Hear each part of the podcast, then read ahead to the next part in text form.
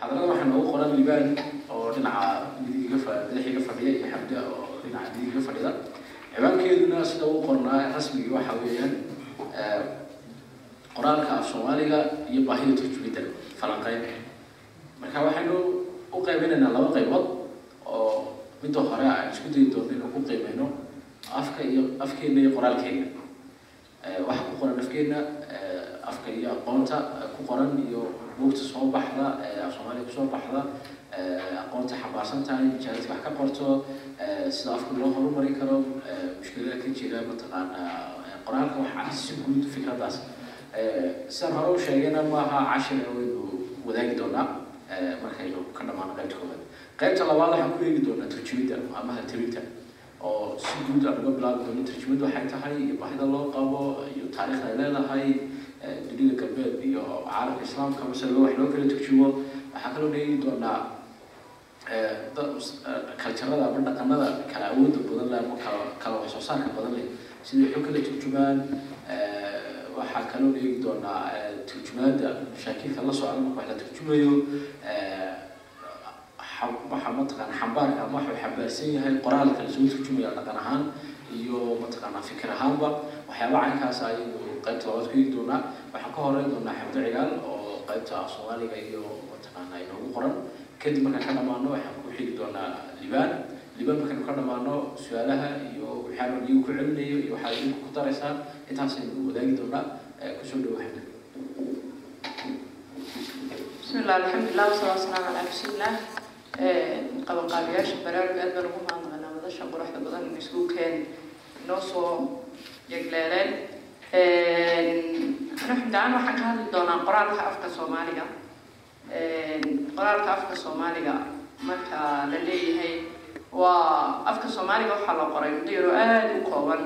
Ka hor hadda shan iyo afartan sannadood uu jiraa. Marka la barbar dhigo ummadda soomaalidu intay jirto aada buu u da-yar yahay.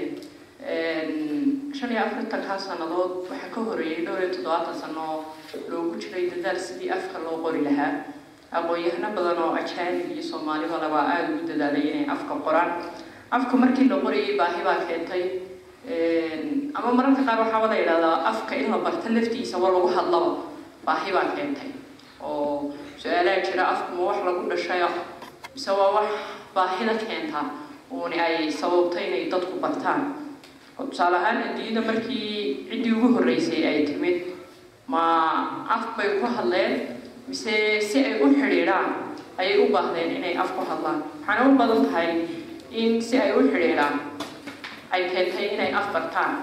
Oo imika tusaale ahaan anu laba boqoloo sannadood ka hor awoobay afkii ku hadlayay waxaa ka ballaaran afkan anu ku hadlayo. Waayo baahidan u qabo inaan wax badan ka hadlo. Ayaa keenaysa inaan wax badan barto. Marka qaar waxa la idhahaa afku wuxuu ka kooban yahay erey saleedyo iyo erey dhaqameedyo erey saleedyadu waxa weeyaan ereyada deegaanka loogu yimaado xubnaha jirka oo kale tirada waxyaabaha noocaas oo kale ah afafku ma kala amaaneystaan haddii aanay ahay laba af oo walaala. Tusaale ahaan soomaalida iyo oromada oo kale tiradooda markaad eegto aad bay iskugu dhowdahay kow lama waxyaabahaas dhan aad bay uga uga midaysan yihiin. Afku waxa weeyaan waa waa wax la iskugu gudbiyo xog si ay ummaddu isku fahanto afku waa hay afku soo kale waa dhaqan iyo aqooneed ee bulshada afku mararka qaar waxa weeyaan qalabka lagu fokaro macankii gaari ilaa naxariiso wuxuu odhan jiray inta eraya taqaano unbaa kala fikeri kartaa haddii diyaaradda aanad erey ahaan waxay tahay kama fikeri kartid tusaale ahaan ilmaha yar markuu afka baranayo adma waaweyna hareerihiisa ka dhacaya isaga saameynba kuma yeeshaan. Waayo erayu yaqaana afkooda afku waa qalab lagu cabiro dareenka. Tusaale ahaan ilmuhu marka uu yar yahay waxaad arkaysaa inuu wax uu diidan yahay ama uu doonayo inuu ooyun ka cabiro waayo ma haysto ereyo u xambaara waxa uu dareemayo. Afku mararka qaar wuxuu saameeyaa qaad fikirka qofka tusaale ahaan oo kale waxyaaba soo qaadan kara inta qofka reer galbeedka markuu sani dhay leeyahay. Isagu waxa uu la socota farxad laakiin qofka dhulbaraha ku nool dee maalinta cadceed isaga waxaaba tahayba soomalhaad ayaba tahay waxaa jira hees. Waxay tiraa naf baxda iyo roob galbeed. Midkoodna hadduu galbado gadaal uma soo noqdo. Macantii roobka galbeed ma aha markuu meel kala joogo inaanu dib u soo noqon laakiin deegaankaa la joogo ayaa waxay caddaynaysaa waa waa faham guud weeyaan waa faham guud oo dadku isla wada fahmayaan roobka daruurta hadday dhinaca galbeed martay inaan dib u soo noqon laakiin meel walba sidaa kama aha haddaynu soo noqonaa afka markii la qoray kun sagaal boqol labiyo toddobaatankii lama qorin laakiin la hirgeliyey fara badan baa yaalay xilligaa nin barashara la idhaha baa fartan soo jeediyey kun sagaal boqol labiyo toddobaatankii ayaa ayaa la hirgeliyey afka xilligaa labiyo toddobaatankii ilaa toddobiyo toddobaatankii shantaa sano u fiican buu sameeyey oo ololaa la qaaday. Dadkii miyada ku noolaa afkii in la aqoomeeyo oo wax lagu bartay ilaa jaamacdo. Waxay ahayd dadaal aada u badan. Waqti yaroo intaa leegoo kooban in lagu hamiyey in jaamacada lagu dhinto ma sax bay ahayd ma khalad bay ahayd. Waa waa taas waa dood kale ama dee khaladaadkii la sameeyey. Haddaba waxaan weydiin karnaa shan iyo afartan sannadood kadib afku baahidii loo qabay maynoo daboolay si markaan loo eego waxaan odhan afka inaynu ku xidhiidhno oo uu inoo fudaydiyey wax badan buu inoo fudaydiyey laakiin inaynu aqoon ku kaydinno ama aqoon ku gudbinno ama aynu aqoon kula soo wareegno weli weli waa waa wax maqan weeyaan waxyaabo badan baana sababaya oo dowladdii dee burburtay waxyaabo badan bay nagala burburtay hay'adihii dowliga ahaa ee ilaalin lahaa afka afafka soo gelaya shisheeye isla markaana kobcin lahaa oo mar kasta oo la horumaro teknolojiyadda horumar samayso oo aqoonta horumar samayso afku inuu kobcaa loo baahdaa waxyaabahan leeyahay dib u dhaca ama uu kobci waaye afka waxaa ka mid ah shaksiyaadka ku foogan afku uma abaabulla inta la ysku yimaado dadaalka shaksiyeedna mar walba arrinsan culus way adag tahay inuu midaydo oo bini aadamku aslanba waxa weeyaa waa selfish oo isagu wuxuu jecel yahay wuxuu isagu soo jeedinayo intiisa la qaato oo haddii aan la midayn oo dadka noocaasa aan la ururin way adkaanaysaa in wax laga gaadho qofba dhinac buu loo ordayaa waxyaaba diiradu leegi doona caqabadaha hor yaalla afka in wax lagu qoro aqoon weliba lagu qoro talan dadkeena wax bartaan maxay maxay uga maagaan afka inay wax qoraan iyagoo af soomaaligoodu weliba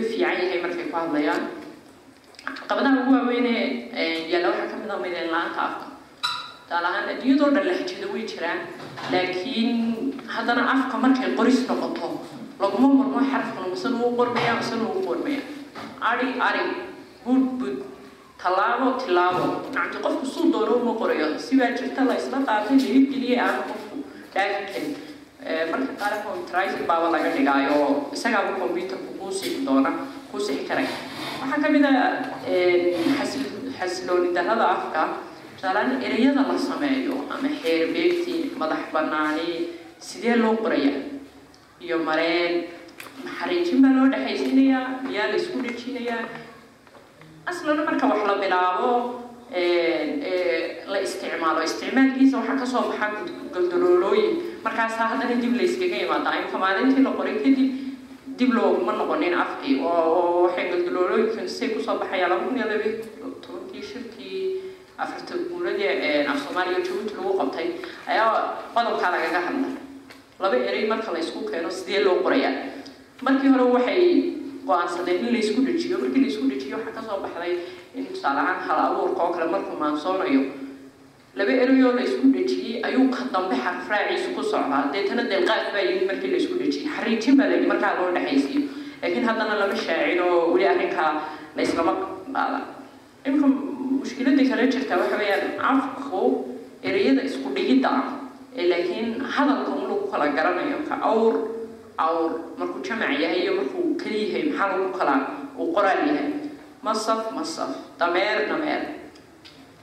Waxyaaba la aaminsan waxaa ka mid ah afku inuu qabyo badani ay ku jirto oo ereyada laba laamo oo kale waa toddoba toddoba xaraf baa laba laama laakiin marka adeegsigiisa la eegayo ereyintaa ka badan imika dhacda oo kale. Laba xaraf baa loo qaatay. Ninkii ibraahim hawd daydhaabaa wuxuu aaminsan isagu labadaa xaraf in la qaato lafteeda baahi keenaysay may jirin oo da iyo ha oo dha ah marka la qaato. Maxaa fii baa inoo banaanayd ama sed oo kale? Waxay waxay waxyaabayn haysaneen ka faa'iidaysan karin maxaynu isticmaali weynay iminka cadho iyo cadho waa qoraal ahaan markaan eegayno waa xarafka dhaadu ma maaha ereyadii la isla qaatay inay laba laabmaan laakiin haddana uu laba laabma macadhaa ku haysa iyo macadhaa ku haysa maxaa lagu kala garanayaa markay qoran yihiin waxaa jira kobicii afkuu istaagay. Erey bixino ciddii soo saari lahayd erey bixintana qofku ma samayn karayo. Hadduu sameeyana dee ciddii fulinaysa aad bay u kala duwanaanaysaa. Iminka waxaa ka mid a ereyga link baan arka waa dabar dadka qaar dabar baa isticmaalaan dadka qaar lingax bay isticmaalaan waa dadaal qofe marka qof kasta wuxuu jecel isagu tiisa inuu horumariyo oo ay hana qaado wanida ku adkaanaysaa qofkii keebuu isla helistii ayaa marar badan ku adkaanaysaa habeen adeegtantana waxaa ka mid ah ereyo hore afkeena ku jiray inaynu adeeg cusub siin karno tusaale ahaan markii afka la qorayayna saasaa la sameeya adduunyadoo dhanna saasay samaysaa imka keyboard berigii hore geerish iyo gawaadhida marka lagu xareeyo meesha furayaasha la sudhaa la odhan jiray. Laakiin imika adeegsi cusub ayaa la siiyey. Taasna iyaduna ma jirto. Mar kastoo erey aqooneen cusub uu soo kordho wuxuu barabixinayaa erey hore oo ku jiray. Waxaa ka mid a diinta oo kale. Carabigu wuxuu inoo soo raacaa diinta oo ereyo badan oo aynu lahayn xilliyada waqtiyadu ka mid ahaayeen duhurka casar subax waxa jiray kelmada aynu caadi u isticmaali jiray weli waa erey saleedyadii xil waxaasi cuntada xilliyadaa la cuno way saareen imka meeshii way ka saareen oo qadowba hadhimo cidna ma isticmaasho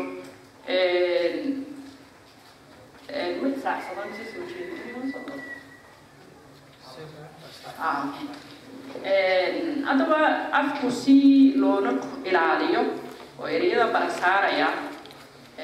looga ilaaliyo isla markaana loo kobciyo oo nackala gaadhsiiyo heer aqoon lagu qodi karo waxaan soo jeedin lahaa afar wax kaalinta warfidiyeenka ee afka oo afku waxay ahayn saxaafaddu saddex wax bay qabataa waa inay dadka wargeliso inay dadka madadaaliso iyo inay dadka wax barto marka labada hore saxaabadeenu way qabataa laakiin saxaabadeenu ma aha meel wax laga barto marka saxaabadu berigii horena waxay ahayd meesha afka laga barto oo waxyaabada kasa dayax gacmeedka warfidiyeen diyaaradaha qumaadka u kacaa hirarka gaaban ereyada noocaas oo dhan waxaa saxaafadda ku soo dartay afkeena in hay'ado dawli ah oo afka kobiciisa iyo ilaalintiisa ka shaqeeya la sameeyo. Dadaalka qofeed afka ma ilaalin karaan. Dadka afka aqoonta u leh in dadaalkooda la ururiyo la mideeyo qodobka muhiimsana waxa weeyaan awood hirgelisa in la sameeyo wax ku darsiga qofka iminka cabdixaan guri barwaaqaa wuxuu qoray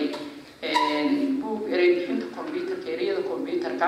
laakiin wuu iska yaalaa un macno ma sameynayo haddii aan laga shaqaysin oo aan la isticmaalin awooddii markaa fulinaysay aan la helin aada u mahadsan aada iyo aad baad mahadsan taxamda dabcan mawaadiic badan oo istawa yaalla oo ay ka mid tahay qabyada ka jirta farta qoraalkeeda iyo mushkiladaha ka jira ee bixinta iyo waxyaabahaas oo dhan bay xamda inoo inoo martay waxaan jecelahay intaynu israacino qaybaha la jarka in wixii ku darisaya wixii mataqaanaa su'aalaba aynu mar isku israacino marka waxaan ku soo dhaweynayaa diiwaan oo dhinaca naga fadhiya qaybta turjumida iyo hawlaheyga isaguna inoogu mataqaana inoogu qoran inuu isaguna israacsado lajarkiisa si aan mar isku raacino bismillahi raxmaan raxiim eh, aada baan ugu mahadnaqayaa madasha baraaruga inoo soo agaasintay eh, kulankan eh, anuu laba eray baan ka odhan doonaa turjumaadda. Marka hore baan kolay u daaranayaayo qof isbisharista ma yihi amba horena waxba uma turjumin. Horena waxba uma qorin laakiin dhalinyarantu baa igu soo qortay lecturekan saa aawadeed baan xoogaa research u soo sameeyey. Horta turjumiddu waa dhaqan soomaalida ku cusub. Amba kamama jiraba haddana idhaha waana casrigeenan maanta waa wax muhiim ah oo isu socodka aqoonta inaynu ka qayb qaadano. Waxaa ku jira inaynu la soconno aqoontu halkay socoto. Turjumiddu sideedaba waxaa la idhahaa in erey luqad kale ku qoran aada u soo gudbiso luqadda deegaankaaga laakiin waxaa ku lamaan erey keligun ma soo minguurinaysid waxaa soo minguurinaysaa erey wuxuu xambaarsan yahay. Marka danoodii baa idhaa waa dib u abuuridda ereyga amba dib u qoridda ereyga. Ereyga inaad hu amba midab kaloo gaara aada siiso ood ka soo rarto luqadu ahaa oo luqad kale aada keento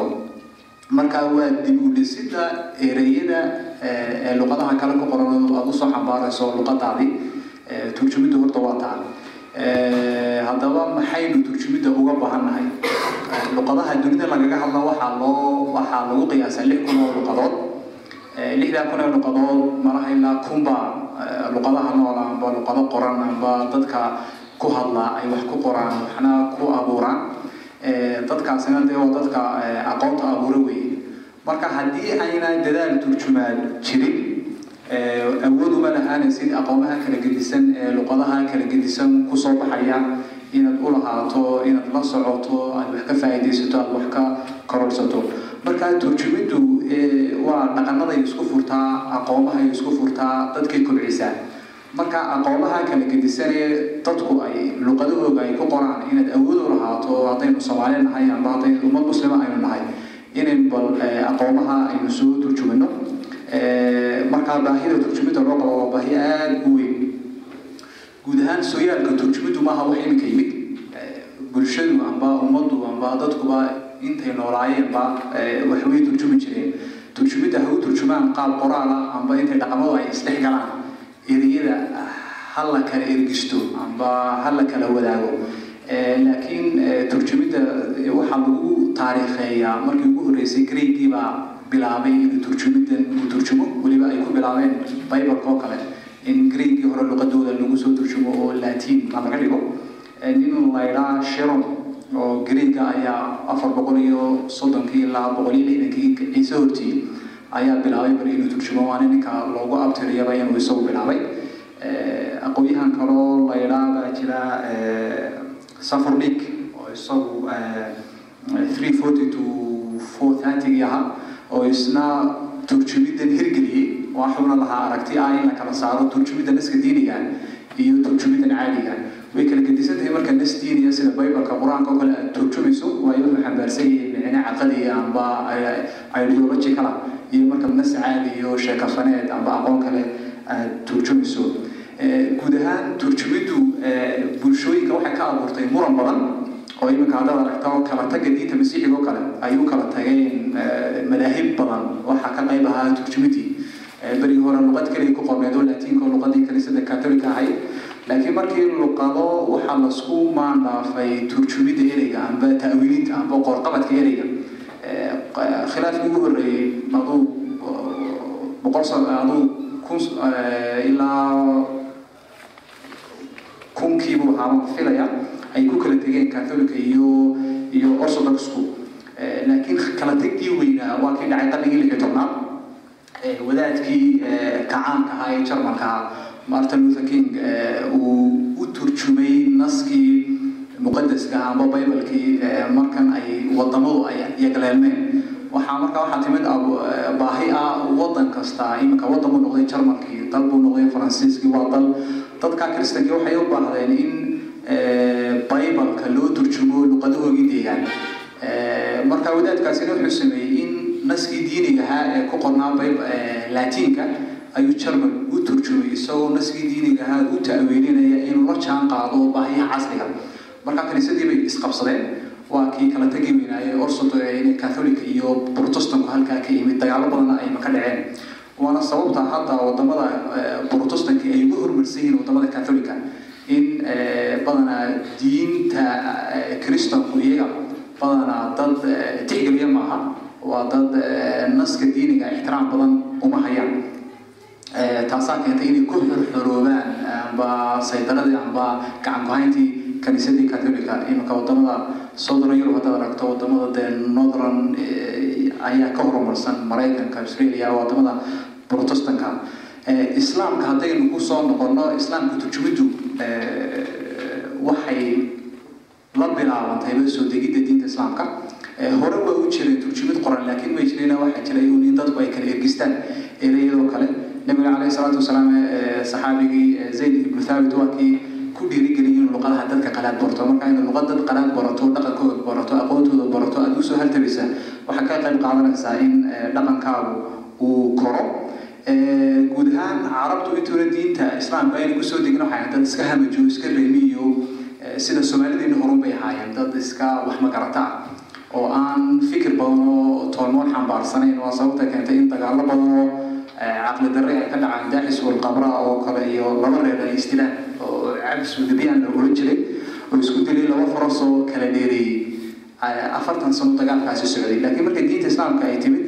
luqadii carbeed qur'aanku wuxuu u huwiyey macaani kale oo ereygii iska caadigahaaba markuu qur'aanku yimid wuxuu u huwiyey ereygii mabaadi iyo afkaar guud markaa ninka carabka ahaa ee masaacagaleyda eryanayay markuu qur'aanku yimid dee luqadiisii waxaa loo huwiyey macaani ka weyn macaanidu berigaa yaqaanay waa sababta keentay markaa horumarka. Marka luqadda carbeed horumarkeega mar qur'aanka ka mas'uulahaa mar labaadna waxaa ka mas'uulahaa turjumidii far ballaaneed ee dowladdii cabaasiyiintu ay soo gelisay. Weliba gaar ahaan maamuun uu sameeyey jaamacaddii amba baytulxikma uu soo turjumay turaadkii ama sooyaalkii greega ee ahaa falsafadii cilmu fikirkii cilmu ijtimaaci taasina korukac badan bay dhacday. Marka haddii turjumid la waayo dhaqankii waxaa ku dhacay cabud oo idinkuba isku meereysanayo afkaartan idin dhex taagani waa afkaar badana horumarsan ma noqonayso. Oo tabtii soomaalida aynu nahay. Mashaakilka ugu badana soomaalida haysta waxaa weeye luqadoodii hore umay qornayn luqaday ku hadlaana ma aha mid dadka deegaankooda kale u tallowda. Marka weligeedba toban kun oo sannadood amba intii aynu jirnayba dad deegaankan u asalay aynu aynu nahay may ahayn luqad u tallowda dadka kale. Innagunbaa isku mashquulsaneen waa sababta keentay inuu soomaaligu brood yahay. Waa brood beena. Waayo halku caalamku socdo ma ogid. Halka la kala taagan yahay ma ogid. Luqado kale ma garanaysid. Dabeete waa ninkaa hawdkaa taagan ee laandheeraha isku haysta. Waxaa yidhi islaan dhulbahantaa nin ay maadirihiinba jaylo ka yimid markaasuu yidhi waxaan soo arkay dad fara badan oo waaliya. Islaantu dee jayna ma taqaan waayo hawdkaa buu hodlay joogtay markaa waxay kaga falcelisay bow shirshoorla ma leeyahay yani shirshoorla waa iyada dee malaayiin waana dee kuma qaldaan waayo deegaankeyga may dhaafin fikirkeyga waxaa saameynaya ereyada ay la isticmaalayso. Islaam kaloo habarunisa waxaa yidhi ingiriiskii iyo waxay habarunisa beris qabsato waxay tiri ilaha quudaha kala ilaali marka ingiriisku wuxuu ugu samaysan yahay iyada reerkooga de marka reerkooga awood leh marka ma kala garanayso macnaha ingiriisku yahay iyo wuxuu yahay awoodinay marka haddii aanay aqoontu isku tallaabin adigunbaa is isku dhex wareegaya. Marka halka la kala taagan yahay ma ogsoonin marka tarjamadu waxay aad inoogu faa'iideynaysaa inaynu ogaano halku caalamku kala socdo inay aqoonteenu korodho in xataa maskaxdeenu iyo qaabka aynu fikirana ay kordho waxaa jira haddaba dhowr aragti baa jirto. Ah sida loola tacaamulayo naska la turjumayo. Aragti baa odhanaysa oo aragtida conservativeka ee muxaafidka ee aaminsan badana sarreynta luqadda. Marka la soo turjumayo nas marka aragtidaasi luqaday aada u aaminsan tahay amba soomaali amba carabi amba wax la doono ha. Nas maxaan ku nasku waa iska erayo soomaaliga iskuma fiicnin marka marka la soo turjumayo aragtidaas waxay aaminsan tahay in aan naska la soo turjumaya aan ixtiraam badan la siin ee laakiin la siiyo luqadda loo soo miin guurinayo innagoo luqadeeni ilaalinayna. Marka aragtidaas waa aragti badana waxaa ku jirta is-ururin luqad ixtiraamid badan. Aragtida mid baa ka sii farcantoo ah in naska la ta'wiiliyo amba loqoor qabtaba innagoo luqadeena ixtiraamayna. Markaa waa in naska la ta'wiiliyaa oo loqoor qabta. Taasina badana qofkii akhristaha way qaldaysaa waayo micnihii qoruhu qabay uu qoray ayaan la soo turjumay aragti kalea jirta oo ah in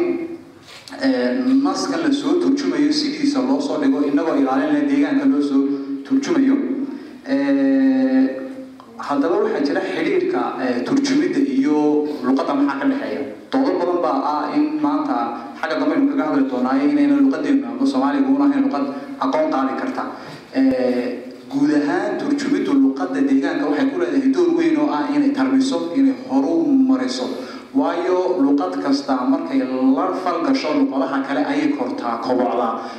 ay ballaarataa ay horu martaa marka mar kastoo ay turjumiddu ballaarato waa mar kastoo luqadii ay kobocdo. Soomaaligana wuxuu u horumari laayahay luqadihii kale weli islamay falgelin marka luqaduhu markay ishirdiyaan ay dagaalamaan ay isriixaan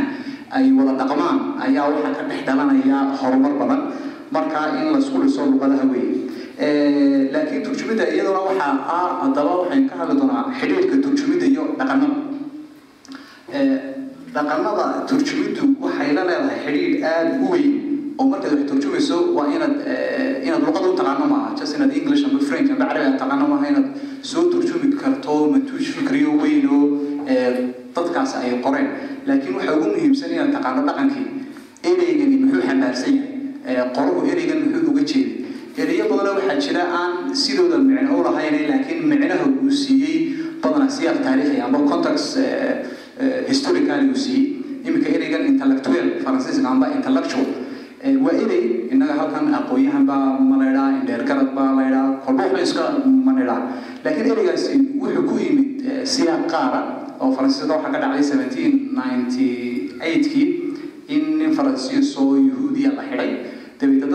aqoonta lahaa ama dakaatiradii macallimiintii ayaa u dooday dabeeta saxaabadii faransiisku waxay markay dhacdada ay ka qoraysa waxay tiri dadkii fikirka u dhaqdhaqaaqayay arrintaa u dooday askariga faransiiska yuhuudiga lagu soo eedeeyey inuu la macaashi jiray ama uu dheg u ahaa jarmalkii ayaa xuquuqdiisii u doodeen. Marka qof kasta oo aqoon-yahana oo danta guud amba public sphereka amba amba amba ka hadla ayaa la yidhaha waa qof intellectual marka intellectualku sidiisa micno uma leh laakiin siyaaqa taariikhiga markaad aragto ayaa micnaha siinaya. Marka haddii aanad dhaqankii garanayn amba ereygan wuxuu taagan yahay garanayn inaad luqado aad garanaysa oo keliya ma aha inaad turjumi karto. Shakespeare gagabayadiisoo kale markuu gabadh ammaanayo ayaa wuxuu ku ammaanaya samar samarka ingiriiska iyo jarmalka iyo waddamada barafka ku da'aadee samarku waa wax qurux badan. Laakiin innaga amba dadkiina qarfaha iyo saxralmoodka ku nool haddaad gabadh ku ammaanto xagaa iyo wax kulul iyo waxaad maskax caqli maaha dee waayo innaga waa cagsi waa total cagsi marka dhaqankii aad taqaanaa waxay ka qayb qaadanaysaa inay turjumidii sax. Marka ninka turjumaya hadduu gabadha uu shakespeare ammaanayay hadduu ku ammaano isla ereyga uu adeegsaday uuna isku dayin ereygan erey la mida oo deegaankeena micno ka samaynaya markaa dee naskii gabayaaga qalad weyn badiya ama ka gashay marka turjumadu maaha erey aad ku eegto. Waxaa kaloo jira xayawaanada qaar ayaa degelada ay joogaan ayaa waxay ku caan yihiin in loo adeegsado maskax yari amba habaan woodcockskoo kale amba digaag dibadeedu ingiriisku wuxuu u yaqaanaa inuu ay ka tilmaamayaan qofka lagu tilmaamayo inuu qofkaasi bilaa maskax yahay laakiin adigu haddaad digaag dibadeed aad ku turjunto oo aanad qofka akhristaha u raacin digaag dibadeedu waxay ingiriisku yaqaanaan micnihii ma soo ma ma keenaysid iyaduna waxaa jira marka mahmahaha la soo turjumayo markaad leedahay carrying call to newcastle amba ninka dhuxusha newcastle geenaya newcastle oo ah ingiriiska ku caantay waa wadan waa magaalo dhuxushu ay ka soo goodo marka haddaad turjunto inaga xag amba carabtuna waxay tidhahdaa baaci almaa fi xaalat saqaayin amba ninkii biyaha ku iibinayay xaafadii biyoolayaasha. Marka markaad waxa aad turjumayso waa inaad magaalooyinkaasi amba tilmaamaha ay leeyihiin aad aad aad tixgelisaa. Waxaa kaloo jira iminka buumada waxaan carabta ay taqaan amba ow ingiriiska amba reer galbeedka culturekiisa waxay igu tilmaaman tahay shimbir aada u maskax badan. Carabtana waxay igu tilmaaman tahay wax u taagan shar iyo dhib badni. Badanaa waxay kuma waxay ugu yeedhaan sodohoo kaleydhaan waa waa buumay koranay waa waa islaan dhib badan oo inanteedii iyo odaygayga uu ka shaqayso markaa dhib badnida laakiin reer galbeedka culturekooda waxay u tilmaaman tahay qof maskax badan imanka filinkartoonka hor hadda aragtaan. Iyadiyo geed taagan oo muraayad xidhan oo caqli fiicni matalaysa marka haddaan siyaaqaadka thaqaafiga aanu qofku fahansanayn dhib badan buu keenaya waxaa kaloo raaci lahaa iminka dabeerkoo kale innaga wuxuu noogu tilmaaman yahay maskax xumida iyo habaawada laakiin inkastoo reer galbeedka lagu tilmaaman yahay haddana sida amba naskaas amba ereygaasi rarka micnaha uu sameynaya xaggeenan iyo xaggooga faraq badan baa u dhexeeya. Xisbiga dimuqraadiga wala deemka dameer baa u aastaan. Xaggeenan ka suurtagal maaha. Yacni waxa u taagan yahay maskax xumi habaaba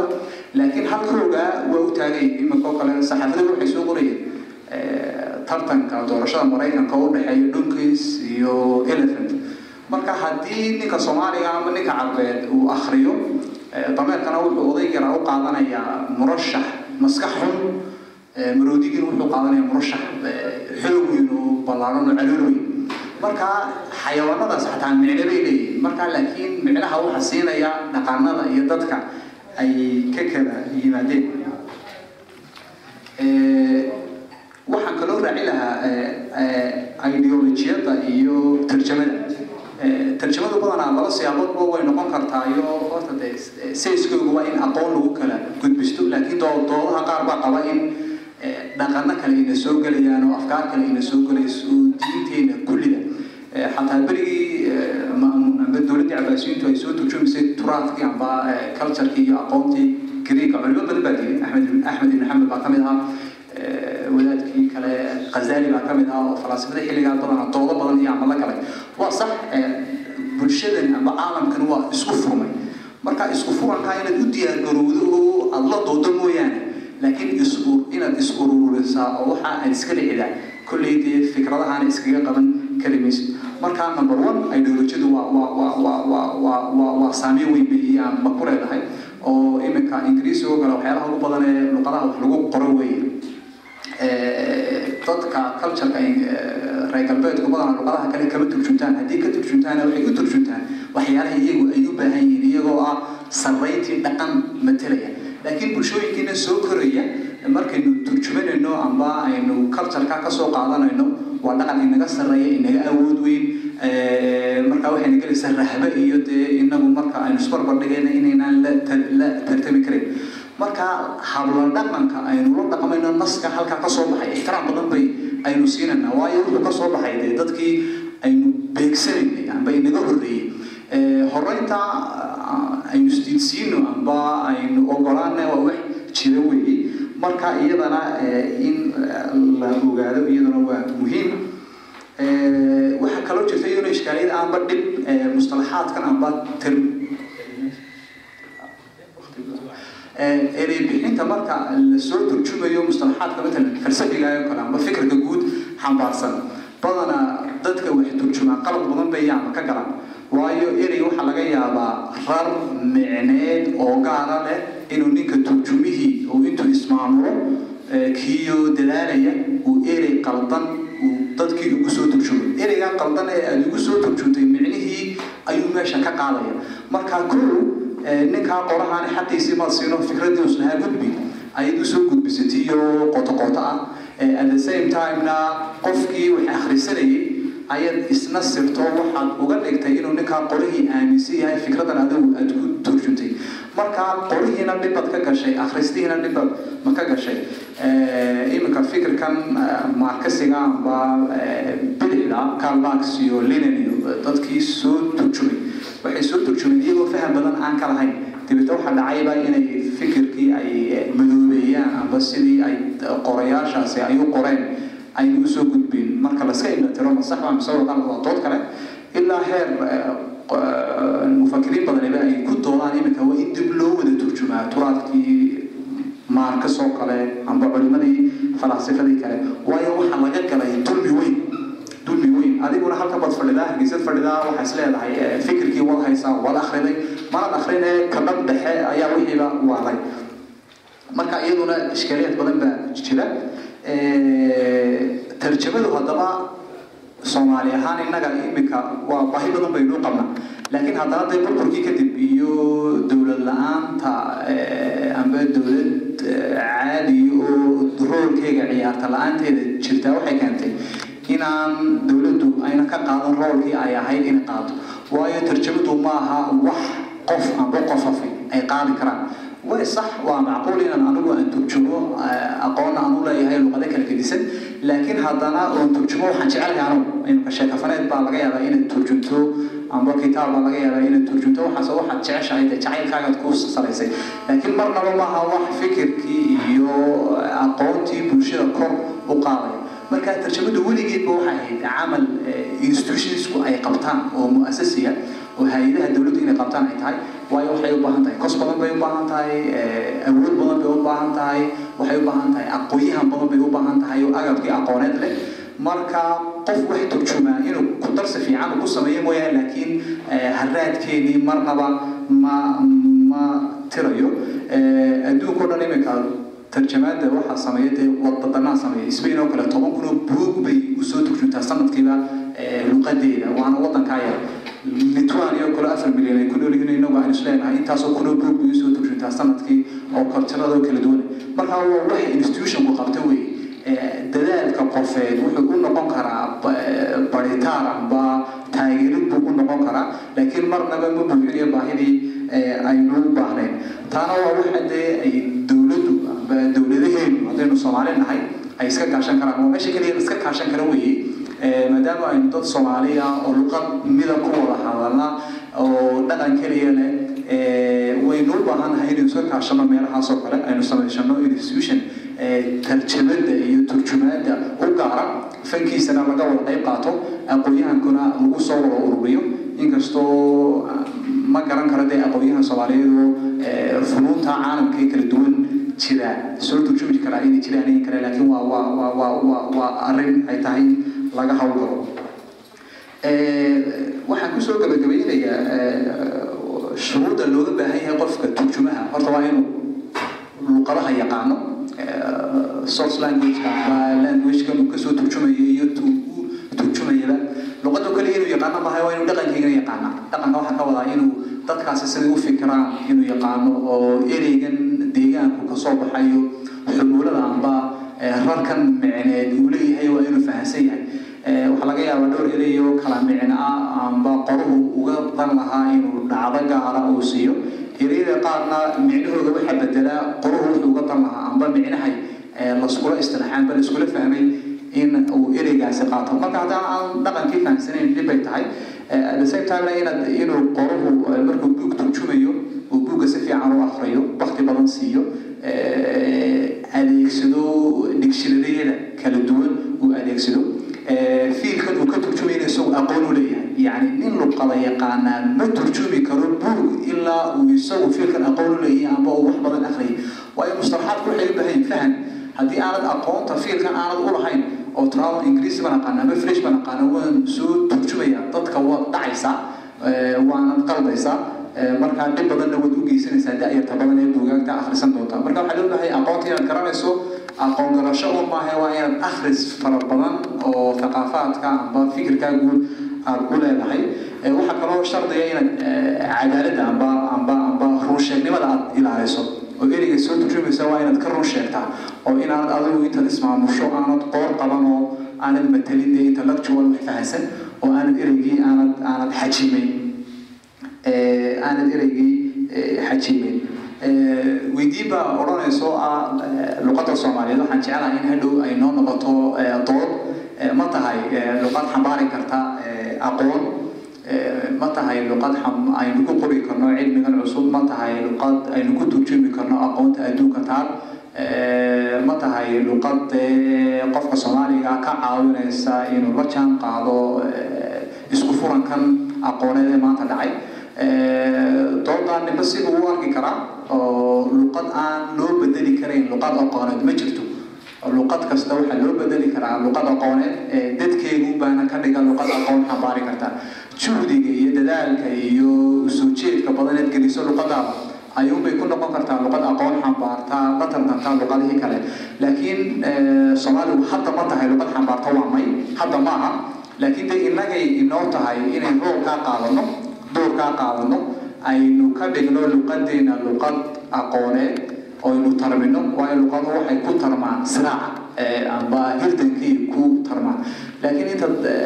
halkaa ayd iska joogto aanad kuna faanayso luqadaydu waa caynkaa caynkaa dee faan ku noqon mayso laakiin waxay ku noqonaysaa shaqo iyo turjumi iyo dadaal badan waxaan ku soo gabagabeynaya tarjamadu waa arrin dowlad u baahan dowladdu waa inay siyaasad ka yeelataa laakiin waxa weeye rejiimyada amba talisida dictatorshipku badanaa way kala dagaalamaan shacabkooga inay turjumida lacag ku bixiyaan waayo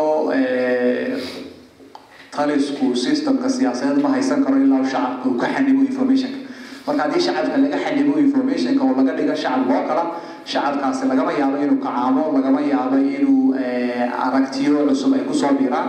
Waana dee tcr bare ee aan maangaabnimo lahayd ee ahayd in la soomaaliyeeyo aqoonta. In la soomaaliyo aqoonta waa wax saxa.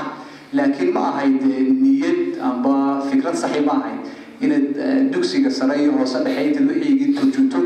dadka soomaalidana aad ka soo saarto dad luqad keliya ku hadlo luqadihii caalamka oo dhan ka xidhan marka waxaa soo baxaya qof soomaaliyo soomaalida hore aynu ka sheekeynaynay laaneeraha ahaa ee aan waxba caalamkan ka ogeyn. Marka qofkii waxaad ka xanibtay sooskii informationka waxaad ka xanibtay isku socodka caalamka waxaad ka xanibtay inuu afkaartan caalamka la jaan la doodo wax ka koobiyeeyo kula soo noqdo deegaankii marka in aqoonta la soomaaliyeeyo waa sax laakiin agabkii ma haysana. In aqoonta la soomaaliya waxay ku xidhan tahay in luqada soomaaliga loo soo turjumo sanadkiiba kumaa kunbuug in maktabada soomaalida lagu soo kordhiyo oo inanka yara jaamacadaha iyo dugsiga sare dhigta maalin kasta heli karo buugtii soo baxday chineeska iyo kuuriyaanka iyo jabanisku luqadooda ayaa ku dhigtaan laakiin luqadooda ay ku dhigtaan daliil ma aha laakiin maxaa u saamaxay in luqadooda ay ku dhigtaan dowladahooga maalintiiba u soo turjumaa sanadkiiba kumaa kun kitaab. Markaa baahi ay luqada ajnabi ay ku dhigtaan. Laakiin inagoo soomaaliya oo inaan soo turjumi karayn awoodeedina aynaan lahayn agabkayga aqoon aqooneedna inaynaan lahayn inaynu ku faano aqoonta inaynu soomaaliyeyna waa indha adayg waa indha adayg iyo waali weeye iyo waxaan aan soconayn marka agabka markaad diyaarsato ayaad aqoontaada soomaaliya garayn kartaa haddii kale waad siyaad baraynaysaa dadkii waxaa soo waxaa soo baxaya qof jaamacaddii ummadda ka baxay oo hadduu safraan departure iyo arrival aan kala garan karin waana kaalinta weyn weeye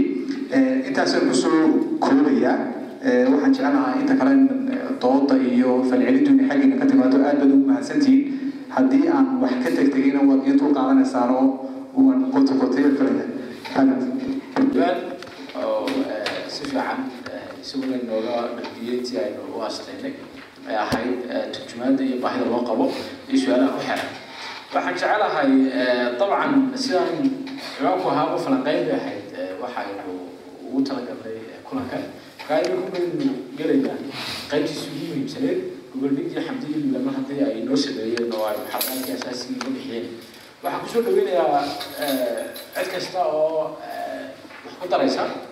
ama dood ka gelaysa intii ahaan beriir beriiro markaa mararka qaar baad ka fikirku waa ka mid yahay. Ka waran haddii xaraf kaste oo dha ah oo la bilaabma xarafka ka dambeeyaana uu noqdo shiibana fikir la saaro. Sida lo oo kale fikir loo saarayo dabeed halkaa laga dareemo inuu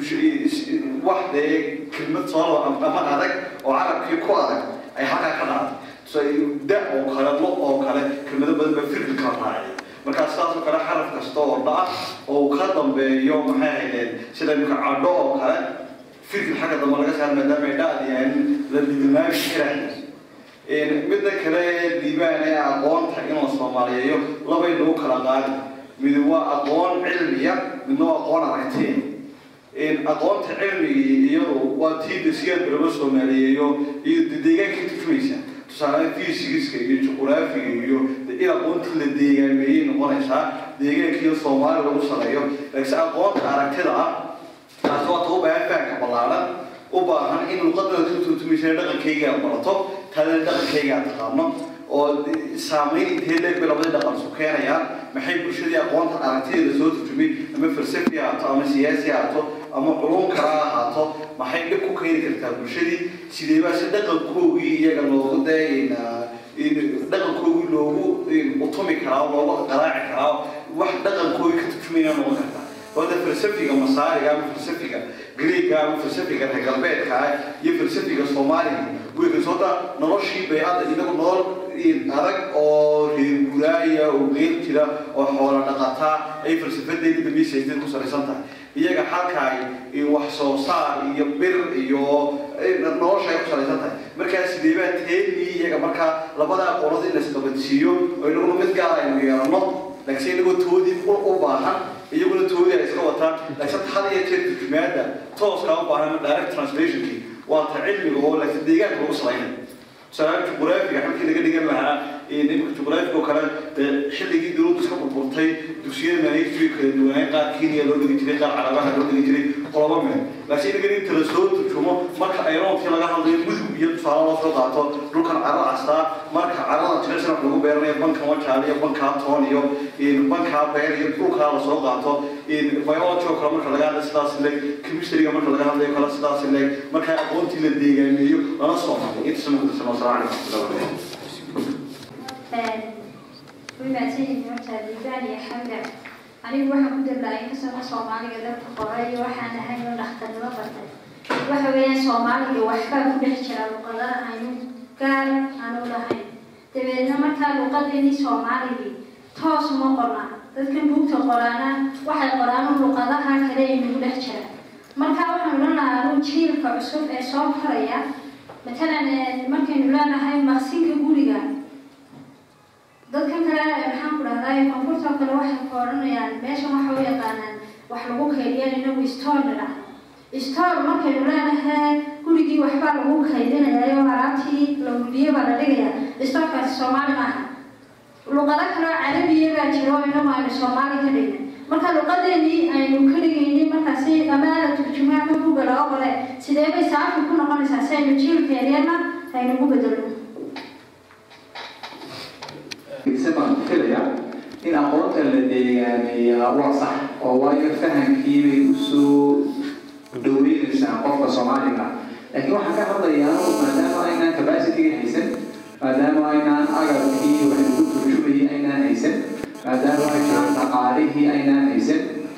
ma tahay inay luqadaha ajnabiga ee qofka soomaaliga u ogolaanaya inuu la socdo aqoomihii kala duwanaa aynu isticmaalo inta awooddeeda helayno way kala gedisan tahay inaad mudug ingiriisi aad u adeegsato inaad soomaaliya aad u adeegsato labadaba waa ma kartaa marka haddii xataa taa waxay ii daliilaan filaya haddii aad ismarka dhigto aqoon-yahanada soomaalida ee xilligii gumeystaha ilaa intii anaa afkabigii siyaadicin wax bartay waa dadka ugu badan ilaa maanta inaga dhex tilmaaman waayo seeskoodu waa sees adag waa sees aqooneed aqoono kala gedisan luqado kala gedisan wax ku barteen oo aan ka xanibin inay la socdaan aqoomihii ee caalamka joogay laakiin intii la soomaaliyeeyey dugsiyada sare waa filaya waxaa iska soo baxay dad aan dhinacaba ahayn dad aan waxba akrin karin luqad kale waxba akrin karin. Aqoontii ku qorneed soomaaliguna maaha aqoon qofkii u saamaxaysa inuu cilmi uu helo.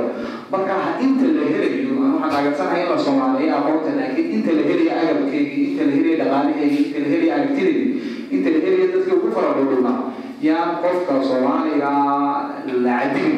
yaan la soo saarin aqoonyahan deegaanaysan oo islaantii reer hawdka joogto aan waxba ka duwanin markaa qof la tartami kara caalamkii luqadiisa isticmaali karaa aqoontan ay ku qoran tahay teknolojiyada cilmigu iyo fikirku inuu akrin karo in loo sahlo oo luqada wax lagu baro waayo dadkeena xilligii hore wax bartay ilaa iminka waa dadkii aqoonyahanka inoogu tilmaamo wey ma arko anago sideetanaadkii wax bartay oo inda ilaahay u farajo intuu yurub ama maraykan tegay dib waxba bartay mooyaane laakiin nin kale oo de ka tilmaaman kuwa waxaan aan arko maaha. Loo sidee saafi looga dhigi karaa soomaaliga iyada ajnabiga looga maari karaa. Iyo su'aashii intii hore cabdi raxmaan ka mid bismillahi raxmaan raxiim xarafka dha'da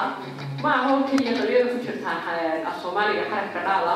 anugu hadda waxaan aaminsanahay inta aan lagu heshin afku sidii uu ahaa halkii lagaga tegay inuu qof kasta uu ixtiraamo oo isku dayada faraha badan ee qofku uu meel ula kacaya afku uu sii fool laakiin afka waxa lagu saxaa ama naxwihiisa ayaa la eegaayo dib loogu noqdaa. Ama waxbaa lagu heshiyaa waxaa la idhahdaa waxaasay heshiis ku nahay aynu qaadano laakiin iminkaan waxaan dhiiri gelin lahaa in la abaabulo isku dayo inta la iskugu yimaado aqoon-yahanada soomaaliyeed ee afka xiiseynaya danaynaya ku fooganaya ka shaqeynaya inay isla meel dhigaan qabyada faraha badan ee afka ku jirta. Arrinkan kale erey bixinta tusaale ahaan laba mid bay noqonaysaa. Mararka qaar waxaa jira ereyo aynu inagu leenahay laakiin carabiga oo diintii soo raacaya ingiriis oo aqoonta soo raacaya ama luuqado kale si kale inoogu soo gudbaya.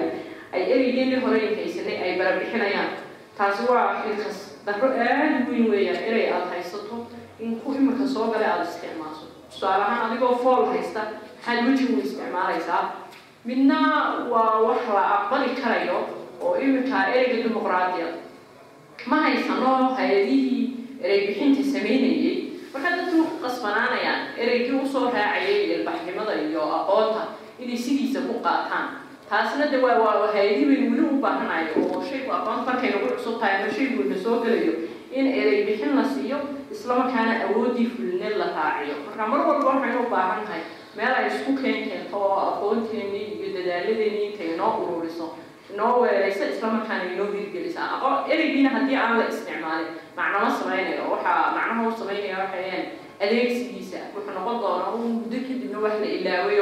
laguba murmo miyuu jira tusaale ahaan dhabcaan ereyo kale waxay ereyo la isticmaali jiro caadi loo isticmaalo afkeeda ka mid ah iminka laakiin waabay ka baxdayba meesha bakayl baynu isticmaalaa maxaa markaa sababay in ereyga aynu lahayn oo ereygeeni inoo bedelo marka waxaan is leeyahay waa waa adeegsiga ayaa qeybta ugu weyn ah dadkeena waxa qoraya ereyada aynu leenahay inaynu halkooda ku ilaalino aad baad kale iska wadaana dibadda iyo aad ka tirada badan. Leh waxaa imanaysa dood ah kow buugtaasi aqoonteeda xambaarsiin ma waxay sidaan soo kordhinayaan. Labo qiimaha isbedeli keeni karaan iyo mataqaanaa majaalaad awoodda saaran ay u badan yihiin mataqaanaa inta badan wax laga qoro. Waxaan jeclaan lahaa haddii dambeyn ay mawduucaas ku darsadaan commitkana ku daraysaa waxaa la waayey waxay wax ku qortay oo dhan sida manaahijtii dugsiga dhexe dugsiga sare iyo weliba jaamacadihii afka soomaaliga ku qornaa gaar ahaan. Marka ma la dhihi karaa arrinta macnaha waxaan rabay su'aal inaan ka dhigo sidee bay ku dhacday in la waayo amaba ay ka baxdo dukumentiyaashaasi gacanta dadweynaha mise waxaa la dhihi karaa waxay ahayd wax dowladdu haysatay dowladda ilaasanaysa dowladda alcani sidaas baa lagu waayay mise si odakac baa loo waayay sidaa tusaale dukumentiyada iyo guryaha waan haysanaa sidoo kale waxaan haysanaa shahaadooyinkii jaamacadaha bixi jireen marka deegaameynta aqoontu in luqada waddankaasi lagu dhigto saameyn oo in la waayo macnaha tusaale su'aasha inaan isweydiiyey adigan haddaad ku dari karto waan jeclahay haddaan tusaaladan u soo qaato hadda libiya oo kale waxyaabo badan waddanka free kaga dhigay ka dhigay wax badan u bedelay ayagana saas oo kale ma laga yaaba inay ku dhacdo oo la waayaba tusaale oo kale waxyaabihii freega ahaa ee basic ah markii deegaaminta aqoonta ka hadlay af soomaaliga waa run aqoon ma qorna waa sababta akhriskiisu u yaryahay oo aqoon badan oo afkii ku qoran ood akhrina ma jiro waxaa su'aasha imanaysaa waxa weeyaan maxaa af soomaaliga ay aqoon ku qori weyda ama mawaadiic yar oo aada u fudfudud tusaale ahaan sheekooyin taariikh qofeed suugaan suugaanta lafteedu waxay hal abuurka soomaaliyeed ama fikirka qofka soomaaliga ah ahaa laakiin nagu suugaantiina masama eegno maxaa falsafad ku jiray aragtiyo noociyaynu kala soo bixi karnaa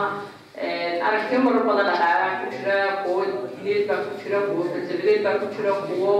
bulsheed baa ku jira waxaasoo dhan ma eegno. Marka suugaanta hebel la qorayo tixdiyo sideeda unbaynu qornaayana tirinaa waxaa laga yaabaa muddo kadib sida qur'aanka baynu nidhaahno ee hebel baa sheegay ama tusaale ahaan marka laga hadlayo caawimooyinka dad badan oo iminka aada uga doodaan jiro oo aqoonyahan baanadan oo dhaqaalaha batay wuxuu laga yaaba konton sano ka hor inuu timacda ka geliyayay mushkilada ay caawimada ku leedahay waddamada afrika iminka marka laga hadlo la idhaahdo agwaanaan leenahay jira laakiin ma eegno qotada iyo dhumucda maansada ku jira ama muxuu agwaanka nuu tegiyay sideeda umayga u qonaa marka waxaan is leeyahay weli qabyada faraha badan ee uu qofku ka cabsoonayo aqoonta uu is leeyahay aad qorti afkan kuma xambaari karayo. Ama marar badan waxaynu aragnaa aqoonyaha soomaaliyeed oo luuqado kale ku qoraya ingiriisiga oo kale. Isagoo markaad hadalkiisa eegto tusaale ahaan ama golxan oo kale waa qof af soomaaliga aqoon badan u leh. Laakiin haddana inuu ku qoraa weli way ku adag tahay waxaa laga yaabaa inuu ama ka cabsoonaya ama uu is leeyahay weli ma jiro agabkii aqoontana aad hayso ku xambaari lahaa taa waxaad ku dareemi karaysaa adiga laftaada haddaad istiraahdo mawduuc yar oo kooban ka qor inay marar badan isla helista ereyadu ay aad kugu adkaanayso oo wax imika la bilaabayaba laakiin kelmada ingiriiska markaad isticmaalayso dee intaasoo buuxyo kumanaan buug baa wax laga yaabaa dee ereygii la qeexay waa la isla meel dhigay waa la isla gartay hadal kama taagna marka weli sababtaynu ku meeraysanayno mawaadiic yaroo koob kooban oo fudud oo aan culays badan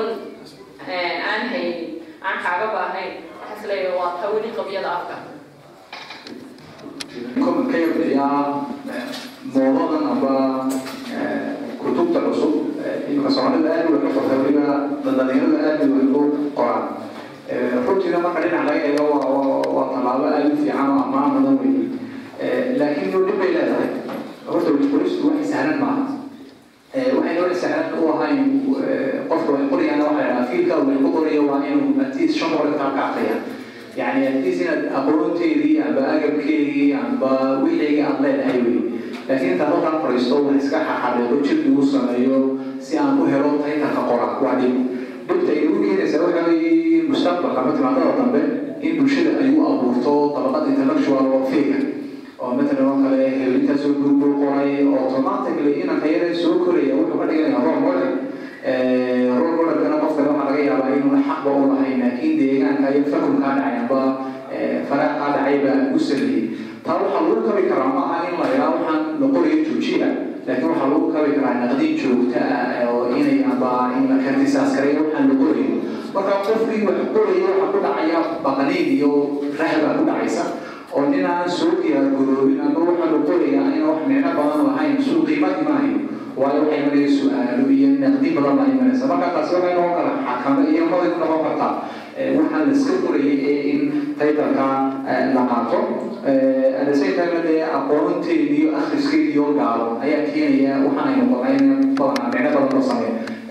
qoristana waxaa ka horeysa akhris. Akhrista fiican oo wanaagsan ayuuba qoro fiican noqon karaa qofkaan akhrista ahayn qoro ma noqon karo innagana waxaad arkaysaa dad wax qoray oo laakiin akhriskooda uguna buurnayn waxaa akhriyaan laakiin akhriskooda uguna buurnayn iskaaliyadan ah maxaynu akrinaa ma maxaa loo akhriyaa? Taasi waa iskaaliyad weyn oo aan jeclaan lahaa maalin inay ka walaalo oo in waxaa laga yaabaa intaasoo noofar inaad akhriday intaasoo kitaab best sellerkii amba wixii ugu badnaayo la iibsaday amba kutubtii la qoray ugu qiimo badan inaad akhrido laakiin aanad akhrin kutub fiican oo ta'siisiya oo qofka fahansiinaysa caalamkan siduu socdo. Kutub waxay jirtaa qof kasta ay mudan tahay inuu akhriyo oo adduunkii aad ku fahmayso sooyaalkii aad ku fahmayso adigaaga ku siin karaba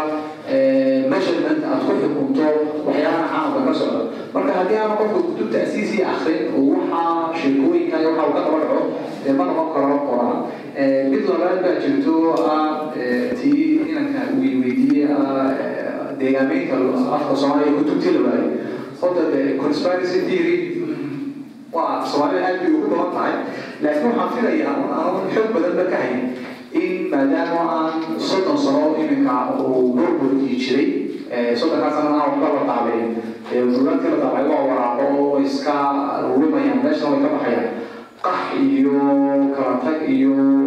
barakaca badanna waa jiray marka duruufahan siyaasadeedii aaminu maan filayaa inay sababtay in ay meesha ka baxaan ilaa haddana koobiyaa la hayaa inkastoona ay fara